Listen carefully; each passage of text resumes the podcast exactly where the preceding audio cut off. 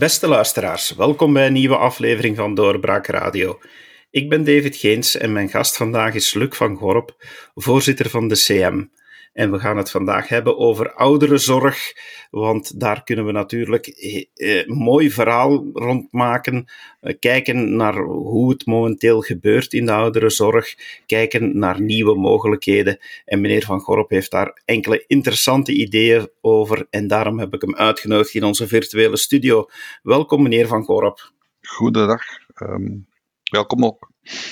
Meneer Van Gorp, ouderzorg, woonzorgcentra. Uiteraard in deze coronacrisis krijgt het allemaal heel veel aandacht. Er wordt vaak ook gezegd dat het een sector is die onderbelicht is gebleven en nu door de coronacrisis eindelijk de aandacht krijgt die, die ze verdient. Is het inderdaad zo dat we veel te weinig aandacht hebben gehad omtrent de zorg voor onze ouderen de afgelopen jaren? Nu, corona heeft natuurlijk heel veel duidelijk gemaakt. Ehm, en dan zeker naar de geschetste problematiek in de verschillende woonzorgcentra, die dan plots moesten omgebouwd worden tot ziekenhuizen. Maar um, mijn aanvoelen is dat er natuurlijk vandaag uh, veel meer problematisch is als we spreken over de ouderzorg. Het is trouwens een zeer breed begrip, waar dat je natuurlijk veel aspecten kunt uh, onderbrengen. Um, ik denk dat er het probleem is als we het breder, breder kaderen, dat wij, um, zeker binnen het domein van ouderen, veel te weinig de, de waarom-vraag eh, durven stellen. Van eigenlijk, waarom doen we iets wat we doen? We organiseren vandaag eh, woonzorgcentra. Dat wil zeggen dat we geconfronteerd zijn met de vaststelling dat mensen vandaag veel ouder worden. Niet alleen ouder, maar ook veel meer zorgafhankelijker worden. Waardoor er natuurlijk andere normeringen nodig zijn binnen de woonzorgcentra.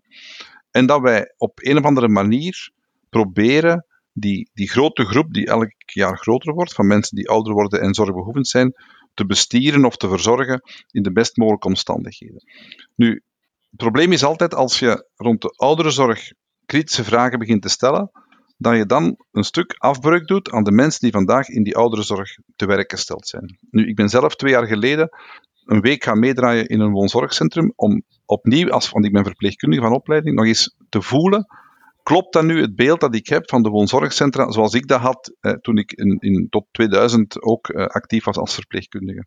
En ik moet dan toch wel vaststellen dat de problematiek, en het was voor corona, dat de, de profielen van de bewoners, dat die um, veel complexere zorg nodig hadden. Die, die, de grote groep van de afdeling waar ik was, was, was, waren personen met dementie, die waren ook incontinent. Nu, dat was eigenlijk een zeer kleine equipe van, van zes eh, zorgkundigen, uh, aangevuld met verpleegkundigen die voor meer dan 30 bewoners de juiste zorg moesten geven. En die deden dat op een heel deskundige manier, natuurlijk behoorlijk snel.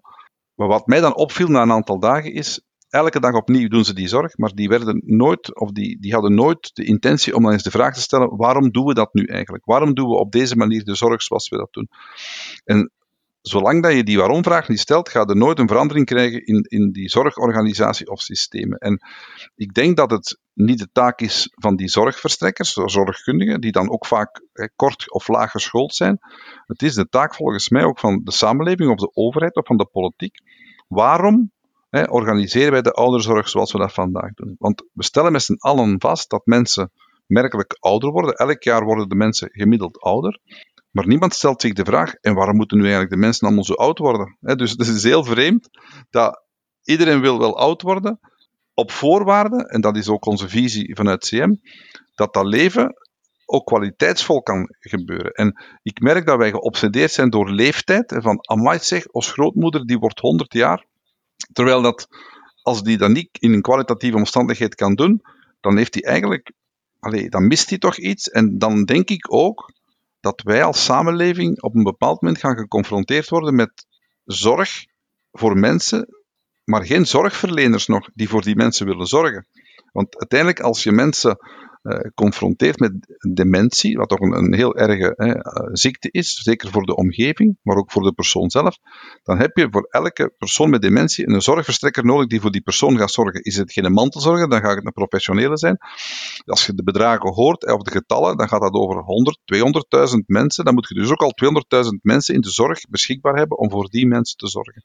En inderdaad ben ik dan kritisch als er dan gezegd wordt, ja maar ja, wij gaan die mensen hier niet meer vinden, we gaan die mensen dan elders halen om voor die mensen te zorgen, dan stel ik me toch wel heel erg de vraag ehm, dat je voor het steenkool, hè, het, uit, het uit de grond halen van steenkool, buitenlandse werkkrachten haalt, daar kan ik me iets mee voorstellen. Maar als het gaat over de meest, um, de meest waardevolle competentie, namelijk zorgen voor, dat je dat op een heel uh, vreemde manier in een geglobaliseerde wereld gaat uitbesteden, dat dat dus niet meer bij ons zit, bij uw eigen vader of moeder, dan moeten we daar toch vragen rond stellen van, is dat het duurzaam model waar dat we dan voor staan in de ouderzorg? En het zijn die vragen die we ons gaan moeten stellen. Waarom? Omdat ik toch wel vaststel dat we vandaag in de zorg uh, mogelijk niet altijd met de juiste profielen van, van zorgverstrekkers uh, werken, omdat ze inderdaad um, kort geschoold zijn, terwijl dat we volgens ons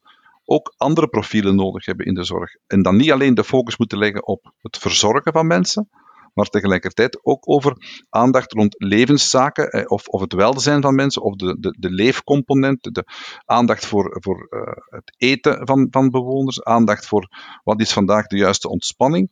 En ik denk dat we die transformatie nog moeten opstarten, enerzijds, en anderzijds zie ik tegelijkertijd vandaag gelukkig en vanuit die centra heel veel initiatieven ontstaan die proberen antwoorden te geven, vaak kleinschalig, op de veranderende complexiteit waar dat ze mee geconfronteerd worden. Dat is een eerste antwoord zoals u het stelt, van er moet, er moet gekeken worden naar het, naar het waarom, is ook de vraag natuurlijk van hoe willen we daarmee omgaan? Hoe willen we inderdaad omgaan met, zoals u terecht op wijst, een, een bevolking die gemiddeld een heel stuk ouder wordt en dus ook zorgintensiever. En dat begint dan eigenlijk al, al vooraf. We moeten ons waarschijnlijk ook de vraag stellen, hoe kunnen we mensen die, die ouder worden gaan, gaan helpen voor ze nog in het woonzorgcentrum komen. Ik denk dat dat toch ook wel een van de aspecten is die we in onze samenleving moeten bekijken. Hoe kunnen we zorg ondersteunen voordat men aan dat woonzorgtraject begint? Ja.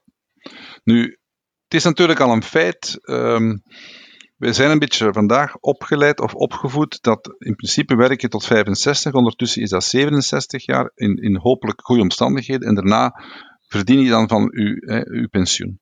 Nu, tussen het pensioen en het zorgafhankelijk zijn zit er nog gemiddeld 20 jaar. Dus als je op 67, de, de, de, gemiddelde leeftijd van een woonzorgbewoner is geen 60 jaar, is trouwens vandaag opgetrokken tot 65, maar is, is meer dan 85 jaar. Er zitten dus een aantal mogelijk gezonde levensjaren in. België, maar nog Vlaanderen nog veel meer, heeft, heeft uh, veel meer ingezet in zijn geschiedenis rond eerste lijns hè, zorg. Dus thuisverpleging, uh, gezinsondersteunende dienstverlening. Um, eigenlijk de nadelen van, van het klassieke woonzorgcentra. He, daar waar dat we in Brussel en in Wallonië veel meer woonzorgcentra zien en iets minder thuiszorg, um, is inderdaad veel meer ingezet. En dat heeft ook te maken met ook een visie die wij delen. Van in principe zorg ontstaat vanuit de thuiszorgsituatie van mensen. De meeste zorg die ontstaat niet in het ziekenhuis, want daar kom je pas veel later in. En ook niet in het woonzorgcentrum. Dus um, is er toch wel een, een, een, een visie die, die ik heel erg ondersteun. Als de zorg thuis mogelijk is, moeten we dat maximaal ondersteunen met eigen familie. Als dat niet kan, met professionele ondersteuning vanuit de thuisverpleging of vanuit gezinszorg enzovoort. En dan, als het niet anders kan, ik denk dat er ook grenzen zijn in de thuiszorg, dat er dan een, een opvang komt in een residentiële setting. Nu, wat hebben we natuurlijk gedaan de laatste jaren? We hebben heel veel woonzorgcentra gebouwd, uh, die eerder klein begonnen, maar die dan toch groter van 100, 200, 300 eh, bewoners. Um, wat natuurlijk niet echt bijdraagt tot uh, familiaal of, of kleinschalig leven en, en, en werken. Um, en, en dan nog is het uiteindelijk, daarbij is dan ook heel de fusiebeweging gekomen, waar dat dan woonzorgcentra dus gefuseerd werden met grote spelers, ook zelfs internationale spelers, zelfs commerciële spelers die dan in mijn aanvoelen toch mogelijk andere belangen beginnen te dienen. Namelijk, er moet een winstmaximalisatie zijn en uh, al dat dan al of niet ten koste gaat van goede zorg. Vraagteken. We hebben toch wel gevoeld, de laatste jaar, zelfs nog voor corona, dat een aantal commerciële uh, woonzorgcentra daar dan toch de kantjes afliepen. Um, om dan toch uh, juist op de norm mensen in te zetten, terwijl dat er dan mogelijk geld dat dan naar de aandeelhouders ging, beter naar de zorg zou gegaan zijn. Nu, in ons aanvoelen is het klassieke woonzorgcentrum met 200, 300 bewoners niet het model van de toekomst en ga je veel kleinschaliger en er bestaan vandaag wel wat voorbeelden, binnen een, een buurt of een wijk, gekoppeld aan um, zaken die daar al bestaan, mensen samenbrengen in, in woonzorgvormen, maar die ook nog een link hebben met het, het, het gewone leven. En ik geef een voorbeeld, en ik ben daar zelf nog bij betrokken geweest toen ik bestuurder was van een woonzorgcentrum in Sint-Huibrechtslil, dat is in Limburg. Is er nu, deze maand, een, een nieuw woonzorgcentrum, als ik, als ik het zo nog mocht noemen, geopend met een, een, een kleine veertigtal plaatsen voor bewoners. Maar dat is echt gebouwd in het centrum, letterlijk naast een, kerk, naast de, de fanfarezaal, naast de school. En zijn er dus uh, gedeelde ruimtes waar dat uh, dus eigenlijk de bibliotheek en de harmoniezaal is dan eigenlijk de cafetaria. Dus dat er een veel meer interactie is tussen wat er leeft in een dorp. Trouwens, de meeste bewoners komen van dat dorp, die hebben daar een link mee. En dat is die klassieke césure van je moet nu het, woonzorgcentrum binnengaan, dat die césure verdwijnen. En trouwens, ook die medewerkers, meer dan driekwart van die medewerkers komen uit dat gehucht eigenlijk zelfs. Hè. Dus op die manier krijg je daar een sociaal weefsel waar dat je binnen en buiten loopt en, en niet van een soort van eh, openingsuren of bezoekuren. Of, um, en dat je eigenlijk naar een ander model gaat van waar dat de accent veel meer gaat komen te liggen op het wonen van mensen en het leven van mensen en veel minder op de zorg, die er natuurlijk ook is. Hè, want ook die mensen gaan op een bepaald moment heel zorgafhankelijk worden. Maar eigenlijk is, is mijn grootste punt, als je het gaat hebben over de ouderzorg, wij zijn heel goed in het oplossen van de voorlaatste vraag. Dus er is een probleem en we lossen het op. U kan thuis niet blijven, u gaat naar het woonzorgcentrum. U hebt in het woonzorgcentrum zorg nodig, we zorgen voor de, de juiste zorg. Dat zijn de voorlaatste vragen. Ik heb een probleem en ik los het op. Wat is een laatste vraag? Dat gaat veel meer over existentiële vragen, over zingevingsvragen. Van eh, waarom moet ik zo oud worden? Waarom leef ik? Ehm, ik ervaar dat iedereen zijn best doet in de zorg die ik krijg, maar ik ben levensmoe. Eigenlijk is het voor mij goed geweest. Mijn leven is af. We hebben zo een paar maanden geleden Ludgard Simons eh, gehad, of gekend, die dan een, een stuk in de negentig was, die dan toch gewaardeerd werd voor haar, voor haar radiowerk en ook voor haar mensvisie, denken wij. Um, en dan toch aangaf, het was bijna pervers precies, van ik ben levensmoe, het is goed geweest. Mag ik alstublieft mijn, mijn adem hebben na, uh, symbolisch neerleggen? En uiteindelijk is ze dan ook, ook uh, gestorven. Ik, ik denk, dat, dat klinkt kritisch, maar het is toch wel zorgwekkend, als je het gevoel krijgt van ik kan niet meer doodgaan, stel nu, ik kan niet meer doodgaan, het wordt, de mogelijkheid wordt mij niet gegeven om los te laten. Ik denk dat het een heel grote stressfactor is bij mensen van, en mag ik daar ook nog over praten? En, en dan geloof ik dat, dat er veel andere modellen mogelijk zijn een soort van, van een, een, een, een woonzorgcentrum zou de plek bij uitstek moeten zijn om over de dood te praten. En dat gebeurt ook vaak hè, via advanced care planning. Maar dat is dan vaak ook technisch. Hè, van, kun je even de planning even maken op het moment dat je hè, eh, niet meer wil eh, behandeld worden voor een bepaalde uh, aandoening die je dan hebt. Ik, ik, denk dat dat in een ander um, niveau zit. Van, van hoe ga je dan een relatie aan met mensen zodanig dat ze kwaliteit van zorg kunnen ervaren.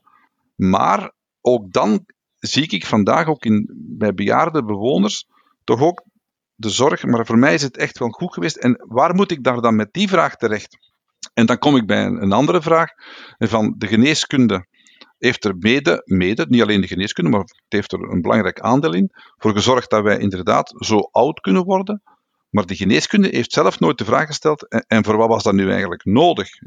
Wat is die obsessie van zo oud mogelijk te worden? En ik lach er altijd mee van, we zingen dan bij verjaardagsfeesten, lang zal je leven, lang, hè, je, en je wordt verplicht van lang te leven, maar eigenlijk zou je moeten zingen, goed wil ik leven, goed wil, hè, dus, en dat is niet altijd hetzelfde. En ik, ik denk dat wij in het huidige model dringend de, de waarom-vragen moeten stellen, en dat vraagt een bepaald profiel van zorgverleners, is dat nu een psychologisch profiel of een soort pastorprofiel? Of een, hè, want dat, dat, zijn, dat zijn andere vragen die je moet stellen, die volgens mij ook de zorgverlener ten goede gaan komen, maar ook vooral de bewoners, um, zowel in de thuissituatie als in, in een woonzorgcentrum, denk ik. En dat lijken moeilijke vragen en ik denk niet door de vraag niet te stellen dat je het probleem gaat oplossen. Het gaat in tegendeel nog toenemen, Vooral omdat ik in mijn ervaring, als ik dan bepaalde mensen, bewoners voor ogen zie die ik dan verzorgd heb, en de grens van humaniteit wordt bereikt, dan, dan stel ik mij daar wel vragen over. En anderzijds, om dan te zeggen, we laten de zorg voor ouderen in handen van de professionele zorgverleners, al of niet met, met buitenlandse werkkrachten, dat is ook een heel vreemd signaal voor mij als oudere persoon. Hè. Dan, oei, ben ik nog wel gewenst?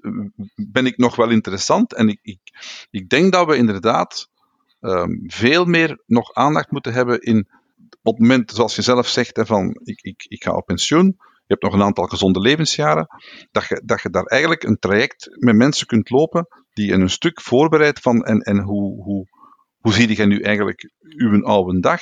En niet in een complete afhankelijkheid waar dat je dan geen keuze niet meer hebt. Hè? Want als je dan uiteindelijk uh, dementie hebt gekregen, ja, dan is het niet meer aan jou om te beslissen wat er dan gebeurt, hè? Door, door wetgeving enzovoort. En ik doe absoluut geen uitspraak over, uh, ben je dan voor of tegen euthanasie? Ik, ik vind, als euthanasie in heel deze discussie de enige oplossing zou zijn, of het enige antwoord, dan is dat wel een hele koude en arme oplossing voor de zorg. Hè? Want als dat natuurlijk bij, bij bewoners dan het alarmsignaal wordt, maar dan ga ik euthanasie vragen, dan heb ik soms wel het gevoel dat de zorg rond die persoon een stuk gefaald heeft. Want dat mag volgens mij maar een ultiem middel zijn als er omstandigheden zijn waar het leven absoluut geen leven meer is, onder welke omstandigheden dan ook, en dat het dan absoluut in heel goed overleg met de omstaanders van, van de familie en, en de zorgverleners en de arts natuurlijk, um, dan al of niet zou plaatsvinden. Wetende dat de vraag van euthanasie, die trouwens vandaag ook in de residentiële sector uh, optreedt, sinds, sinds, nog niet zo heel lang. Hè. Eh, vroeger was euthanasie vooral een, een, zorg binnen de thuiszorg en de ziekenhuis. Zien we dat vandaag in, in residentiële zorg, met een groot impact op, op medebewoners en, en zorgverleners van oei, als mijn buurvrouw, wat moet ik dan? Hè? Moet ik dat dan ook over? En, en je krijgt zo'n bijna een sturend principe, als je niet oppast, een dwingend principe, van ik moet blijkbaar nu iets doen. Terwijl ik vind dat, zoals ik mij dat probeer voor te stellen, en ik word zorgafhankelijk, dan mag ik wel het vertrouwen hebben dat die zorgverleners het goed met mij voor hebben en mij in de best mogelijke omstandigheden de best mogelijke zorg gaat geven. En dat gaat waarschijnlijk niet de zorg zijn zoals je dat thuis had, of zoals je dat door je familie had, want dat, dat is onmogelijk, denk ik. Maar toch wel vanuit een empathisch medevoelen en, en het meeleven met de bewoners en, en proberen de vragen die ze dan stellen, al of niet in een, in een codetaal, zeker als je dement bent, uh, om die toch te verstaan. En ik denk dat dat kan. Maar door alles wat ik nu zeg, heb ik een bepaald profiel van zorgprofessionals voor ogen, die met de huidige equipes aangevuld moet worden met andere profielen om die menswaardigheid of die, die, die, die kwaliteit of die, die, die zingevingscomponent ten volle waar te maken. En dat doet geen afbreuk aan wat die mensen vandaag allemaal proberen te doen. Hè. Maar ik kan niet geloven als je met zes mensen op een afdeling van meer dan 30 bewoners elke dag het verschil moet maken, dat je daar dan de nodige tijd en ruimte voor hebt. Dat, dat is volgens mij. Ik heb dat in elk geval toen niet ervaren als ik die week had meegedraaid. Je hebt al heel wat dingen aangehaald omtrent het kwaliteit kwalitatieve van het ouder worden, dat, eh, dat eigenlijk eh, dat moet centraal staan in de, in, in de vraag van hoe willen we ouder worden, hoe gaan we mensen helpen om daarmee om te gaan. En dan komt hij inderdaad uit om, omtrent die omkadering van die mensen. Dus zou er dan meer energie moeten gestoken worden vanuit de overheid, ook, ook echt meer middelen moeten voorzien worden om al van, van in de opleiding van die mensen, van die profielen te investeren en ook te zorgen dat er, dat er gewoonweg meer omkadering is, dat er, dat er ruimere profielen zijn, uh, niet alleen in de woonzorgcentra, maar, maar in het hele traject om mensen te helpen om kwalitatief ouder te worden. Maar het vertrekt al veel vroeger. Hè. Hoe gaan wij met zorg om in de samenleving? Hoe, hoe zwaar is de zorgcomponent in, in, in, in ons maatschappelijk bestel ontwikkeld? Wij hebben, allez, niemand kan dat tegenspreken. We hebben praktisch alle zorg geprofessionaliseerd. Vanaf dat je een kind krijgt, hè, wordt het kind uitbesteed in een kinderopvang eh, eh, aan, aan eigenlijk letterlijk soms vreemde mensen. Heel raar. het meest kostbare wat je bezit, dus besteed je uit. En op het einde van het leven doen we dat ook. Dus we besteden onze zorg uit. Natuurlijk, als je zorg professionaliseert, geef je eigenlijk het signaal, ja, eigenlijk moet ik dat niet kunnen. Want dat zijn andere mensen die dat gaan doen. En ik heb toch wel het aanvoelen, als je zelf zorg zorg hebt, hebt um, moeten geven in uw eigen situatie aan uw grootouders bijvoorbeeld, of aan uw eigen kinderen natuurlijk, dan, dan heb je die zorgcomponent die volgens mij typisch menselijk is. Hè, dat is iets wat dat, dat, dat hoort bij het, het, het, het wezen van de mens, denk ik. Maar als er wordt gezegd, ja maar nee, er komt iemand van, van, van de dienst gezinszorg, hè, of van een wit kruis, of van familiehulp, of landelijke thuiszorg, um, waarom zou ik dat dan zelf doen? Dat is gelijk een poetsvrouw. En mijn kinderen durven dat ook wel eens zeggen: van ja, maar de poetsvrouw komt toch. Ja, maar dan zeg ik: die dient daar niet voor, voor u. Hè? Die dient voor het algemeen hè, poetsen van het huis en niet voor uw detail en, enzovoort. Um, dus dan, dan kweek je eigenlijk een soort van zorgarme samenleving in het gewone zijn. En dus zou dat veel meer aanwezig moeten zijn in, in, in, in de opleiding, in de gewone opleiding, niet alleen de zorgopleiding. En twee, als je dan toch kiest voor een zorgopleiding, die dan eigenlijk al een stuk getriggerd geweest zijn door hè, wat ze hebben ervaren, dan ga je natuurlijk uh, niet alleen de, de, technische componenten moeten opgeleerd krijgen, maar vooral de component van, ik noem dat dan presentie in plaats van interventie. Hoe presenteer ik mij? Hoe ga ik om? Hoe stel ik de juiste vragen? En het is dat wat mijn, mijn, mijn, mijn vaststelling is. Er worden heel vragen, veel vragen nooit gesteld. Maar ik, ik, soms denk ik van als wij natuurlijk een, een, een samenleving creëren waar de zorg uit verdwenen is, kan je dan nog van een samenleving spreken en kan je dan ook hopen dat je naar nieuwe modellen komt, waar dat mensen dan toch effectief de zorg voor hun ouders hè, opnemen. We zien een voorbeeld, kangeroewoningen, we zien ook van die ehm, dagopvang of huizen waar dat mensen wel naartoe komen in de loop van de dag, maar toch naar huis gaan. Je hebt het kortverblijf, je hebt het dus uh, dagverzorgingscentra. Ik denk dat er veel meer een weefsel moet ontstaan in uw buurt, waar dat die mensen niet worden weggeplaatst, eh, ergens, elders, maar veel meer betrokken zijn met vrijwilligers, met professionelen, binnen de klassieke zaken die elke dag gebeuren. En het is ook heel vreemd natuurlijk, vanaf dat je in het klassieke woonzorgcentrum, en ik, ik, ik veralgemeen nu, maar het is zeker, er zijn zeker goede voorbeelden te geven die het anders proberen te doen, eh, maar het klassieke woonzorgcentrum, dan, dan wordt er eigenlijk tegen die mensen vaak gezegd: je moet niks meer doen nu, hè? je mocht rusten. Maar die mensen hebben niet anders gedaan dan iets gedaan. Of iets betekent al, dat kon bij wijze van spreken een groentetuin zijn, dat kon bij wijze van spreken een duif of een duiventil eh, zijn. Um, maar dan, dan moet je plots iets gaan doen wat je nooit gedaan hebt. Bijvoorbeeld bingo of kine, hoe noemt het, gaan spelen. Nu, als dat dan de bezigheid wordt, en, en, en je voelt je niet nuttig of zinvol, dan heb je toch wel een, probleem. Ik geef een, voorbeeld uit het onderzoek dat, dat op Vlaams niveau gebeurt, uh, rond, de, rond de kwaliteit van leven bij, bij oudere bewoners. Dan wordt er gevraagd, een laatste vraag in het onderzoek, heeft er aan jou nog iemand iets gevraagd? Heeft er iemand zoiets gevraagd aan u? Van bijvoorbeeld, wat, wat vinden van mijn kleedje? Hè? Dat scoort ongeveer 5, 6 procent van de ervaring bij mensen die nog wel bij bewustzijn zijn, dus niet dement zijn, hè, um, dat 5, 6 procent van de, de zorgverstrekkers, dat ze daarmee geconfronteerd worden. Dus eigenlijk wordt aan die bewoners niks meer gevraagd. Nu, je moet je eens voorstellen dat ze aan u niks meer vragen. Eén dag denkt maar dat is plezant, ze vragen niks aan mij, ik, ben, ik heb rust. Maar na een week denkt hij, wat doe ik hier nu eigenlijk nog? Want ik ben precies niet interessant dat er aan mij iets gevraagd wordt. Dus ik denk dat wij inderdaad veel meer de, de zorgcomponent in het algemeen in de samenleving een plaats moeten geven. En dat gebeurt vaak door, door vrijwilligers, dat gebeurt vaak door middenveldorganisaties die zich vrijwillig inzetten voor het, het, goede doel. Maar als je dat niet zaait en zo systematisch voedt, dan mag je ook niet verwachten dat er een massieve instroom is voor zorgverleners. Hè. Dat, dat is ook zo. We zien dat ook. Eigenlijk voldoet vandaag de huidige instroom niet aan de vraag in de manier hoe dat we klassiek de zorg organiseren. Dus ofwel kunnen twee dingen doen, ofwel heb je minder zorg, zorgverleners, Allee, heb, nee, je minder behoeftige patiënten. Hè? Dus met dan de vraag, moet je zo oud worden? Ofwel moet je natuurlijk zorgen dat er meer mensen voor de zorg kiezen. Maar dan ben ik wel bezorgd dat als mensen voor de zorg kiezen, moeten ze wel het juiste profiel hebben, hè? moeten ze wel de juiste attitude hebben. Hè? En dus eigenlijk, als je natuurlijk het gaat doen met mensen die helemaal niet graag in de zorg willen werken, ja, dan zou ik toch niet graag opgenomen zijn in een woonzorgcentrum. En dat is dan het verschil, en dat, is, dat spreekt dan wel in het, in het voordeel van buitenlandse uh, verpleegkundigen of, of zorgkundigen. Um, vaak hebben die wel de juiste attitude.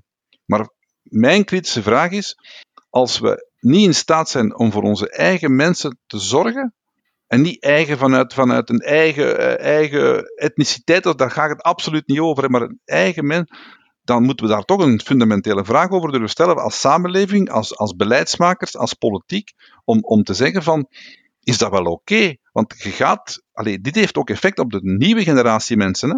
Want dan, dan is het, lijkt het wel dat de zorg niet meer onze zorg is voor mensen. En, en dan, dan denk ik dat je echt wel in de problemen gaan komen. Het lijkt erop neer te komen, ik stel me soms de vraag om een vergelijking te maken, moet, moeten wij nog kunnen schrijven? Want wij typen toch alles. Wij doen toch alles typen. Maar ik denk als wij niet meer kunnen schrijven, dat we volgens mij ook niet meer kunnen typen. Allee, dus ik weet het niet, want niemand is vandaag zo opgeleid. Hè? Dus ik denk als wij niet de, noemt het zo de bougie of, of, of de vonk in de zorg geven, dan gaat er volgens mij op een bepaald moment, tenzij dat het misschien zo fundamenteel menselijk is, dat wij altijd zullen zorgen voor, maar dan moet het wel met de juiste intentie zijn. En ik, ik, ik merk toch wel vandaag dat er echt behoefte is aan, aan zorgverleners met het juiste profiel, want we gaan ze massaal nodig hebben. En als je dat lieert aan de ouderenzorg, je mag maar hopen hè, dat het mensen zijn die u graag zien. En letterlijk graag zien, hè, die, die zelfs met uw beperktheden, met uw, uw, uw afstands lichaam, met, uw, met uw, uw, uw problematiek van dementie, dat die toch u omarmen en, en, en koesteren in een, in een zorg die warm is. Die, ik noem het dan crustatieve zorg, een soort van schelp die gerecht rond mensen, zodanig dat die tot rust komen en zeggen: Het is goed, zelfs als ik het zelf niet meer kan beslissen, gaat er toch iemand zijn die het voor mij opneemt. En dat is allee, de, letterlijke betekenis van kwetsbaar zijn. Hè. Kwetsbaar, eigenlijk zijn die groep, die zorgafhankelijke mensen, bijzonder kwetsbaar en moet een samenleving daar massief op investeren. En als je verwijst, heb je dan meer mensen nodig? Het zullen ook meer mensen nodig zijn, maar dat gaat niet de enige oplossing zijn. Het zullen ook andere soorten mensen moeten zijn. Dat is eigenlijk mijn grootste uh, zorg. Want louter meer is niet altijd de oplossing. En dat klinkt ook misschien niet, niet, allez, niet populair, maar, maar als je op een afdeling bij mensen, bij wijze van spreken, in plaats van zes, zet er 16 mensen, dat is niet automatisch een garantie voor goede zorg. Dat is al een belangrijk, het is een deel, hè? dus het is op zijn minst een en-en verhaal.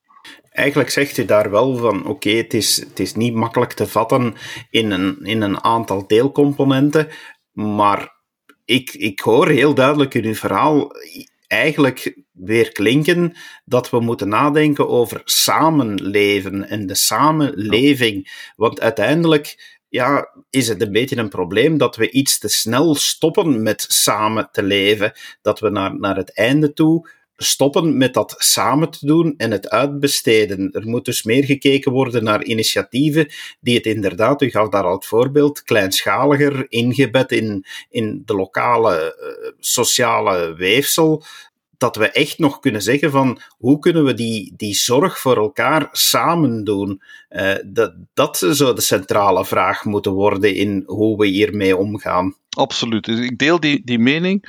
Um, natuurlijk heeft dat te maken hoe kijken we naar de persoon met, met leeftijd. En op dat vlak hebben we nog wel een, een weg af te leggen van het is niet omdat je 80 jaar bent dat je niet waardevol of betekenisvol kunt zijn. Natuurlijk weliswaar met andere of beperkte competenties, maar dat geldt niet alleen voor personen met, met leeftijd, maar ook voor personen met een handicap. Hoe, hoe bereid zijn we, zijn we om een inclusieve samenleving te doen? En Eerlijk gezegd, ik ben, ik ben zelf in het buitenland geweest, ook in de Scandinavische landen. Wat mij bij, in Denemarken vooral is bijgebleven, dat dat, dat, dat heel vreemd is, maar in, in, een, in een wijk of een buurt of een dorp of een stadje um, zit heel dat, dat die ouderenwerking, en dat is heel breed, want dat, gaat ook over actieve ouderen die dan heel veel in de participatietrajecten zitten van een gemeente of een stad.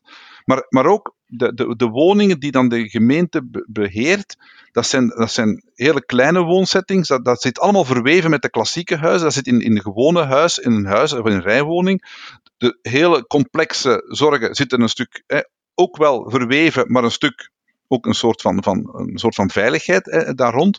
Um, ik merk ook dat personen met dementie veel meer ook daarin geïntegreerd zijn. Die wonen dan samen al of niet met personen met een beperking. Nu, anderzijds zie ik vandaag ook in Vlaanderen wel wat voorbeelden. Ik, ik zie een, een woonzorgcentrum van de Annunciate, dacht ik, in Heverlee, waar dat er uh, oudere personen samenwonen in dezelfde blokken met studenten. Die dan studeren, een bepaalde opleiding, geen zorgopleiding, maar die dan ook een aantal uren van hun tijd ter beschikking stellen om mensen mee te helpen eten geven of, of te verplaatsen of mobiliteit of, of um, op die manier. En dat zijn kleine voorbeelden waar dat je veel meer de, de, die personen inbedt in ons, in, ons, in ons dingen. Denk aan het, ik heb het aangehaald, de kangeroewoning of, of zo'n uh, woonunit in uw tuin. Um, maar anderzijds, en dan, dan komt natuurlijk bij de kritische vraag, het, het wordt ook de mantelzorger of de familie vandaag niet gemakkelijk gemaakt om dat samen te kunnen doen. Want natuurlijk, als een samenleving beslist, werken is de norm, werken is de norm voor mannen en vrouwen op elk moment van uw leven,